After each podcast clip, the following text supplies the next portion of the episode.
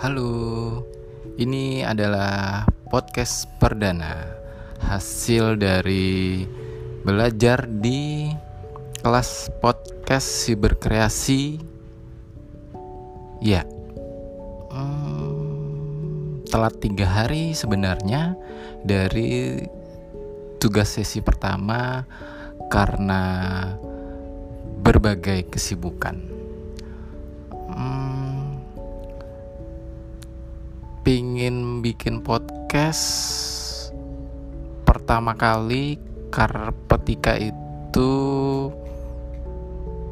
karena seorang teman bernama Diayu Putri mengirimkan link podcast perdananya beberapa bulan yang lalu. Uh, akhirnya baru kesampaian ping bikin podcast sendiri sekarang.